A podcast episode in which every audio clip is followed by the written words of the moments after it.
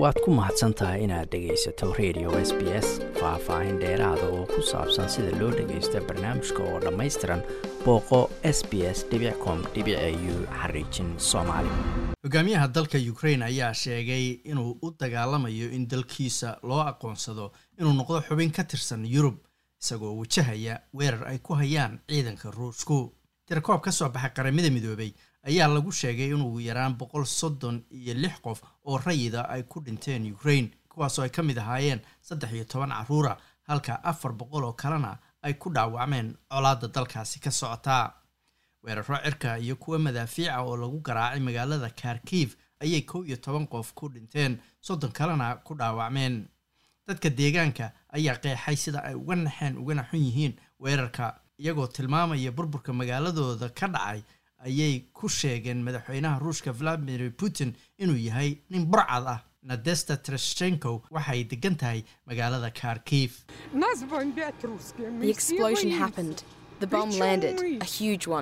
Qarax ayaa dhacay bambaano ayaa soo dhacday mid weyn ayay ahayd.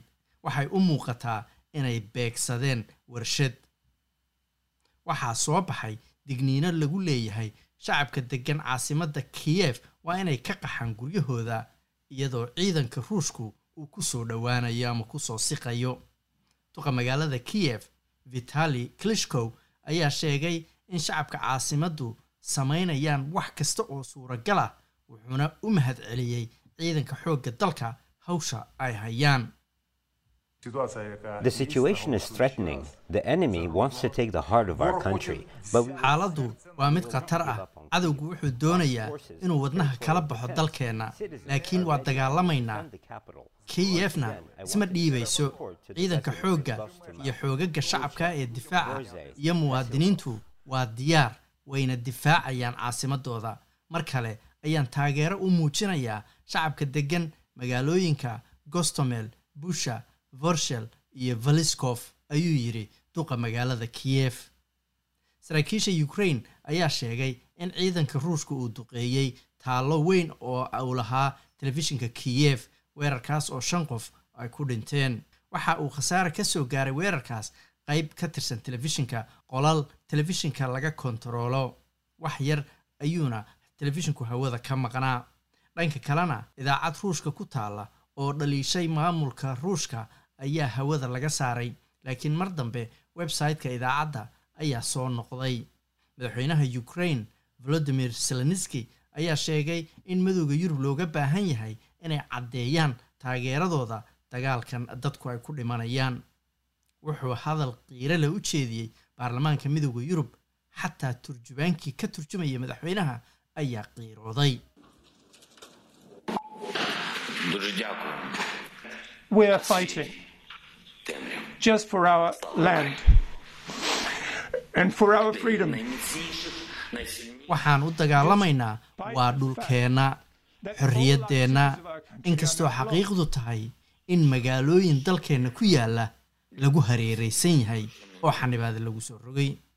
Madaxweyne zelenski ayaa sheegay inay tahay in duulaanka la joojiyo ka hor inta aan wadahadal uusan dhicin. Labaatan iyo toddobada dal ee midowda yurub ka kooban yahay ayaa laga codsaday inay cunaqabatayn adag saaraan ruushka. Dhanka kalena golaha xuquuqul bini-aadanka ee qaramada midoobay ayay wakiilla halkaasi ku sugnaa ka baxeen kulan ay lahaayeen iyagoo ka caraysan ama ka cabanaya wasiirka arrimaha dibadda ee ruushka sergey lavrof wakiilada ayaa ku dhaliilay khudbaddiisa inay ku jireen hadallo been abuur ah waxayna diideen fariimo muuqaal ah oo horey loo duubay oo qiil loogu samaynayay weerarka ukrain xogeeyaha arrimaha dibadda maraykanka antony blinken ayaa u sheegay golaha xuquuqul bini-aadanka in tacadiyada iyo xadgudubyada lagu haya dalkaasi ay ka sii darayaan We must reject Russia's attempts to falsely justify this attack as a defense of human rights, misappropriating terms that we reserve for the worst atrocities. Waa inaannu diidno iskudayga ruushku ku doonayo inuu qiil been ah u sameeyo weerarkan.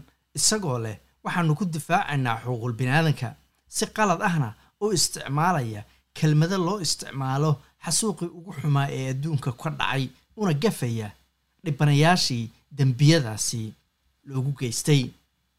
Waxaa dunida oo dhan ka dhacaya dibadbaxyo lagu taageerayo ukraine oo ay ku jiraan kuwa ka dhacay dalka griiga dalka koonfur afrikana dadka ukraine u dhashay sida natali gordon ayaa aada uga naxday duulaanka. Laakiin kremlinka ruushka looga taliyo ayaa diidan isticmaalka ereyga duulaan iyagoo ku doodaya in weerarkani uu yahay oo keliya mid lagu burburinayo awoodda ciidanka ukraine Um, Kiev,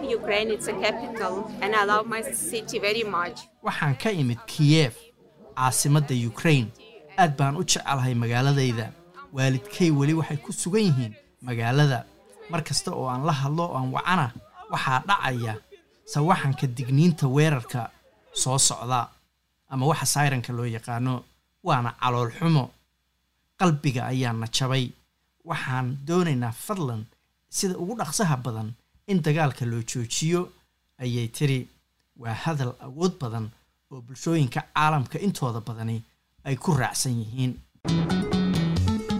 Waad ku mahadsantahay inaad dhegaysato raadiyaha s b s toos u dhegaysa barnaamijka habeenada arbacada iyo jimcada tobanka fiidnimo ama kaga soo cesho website-ka iyaga iyo s b s radio app.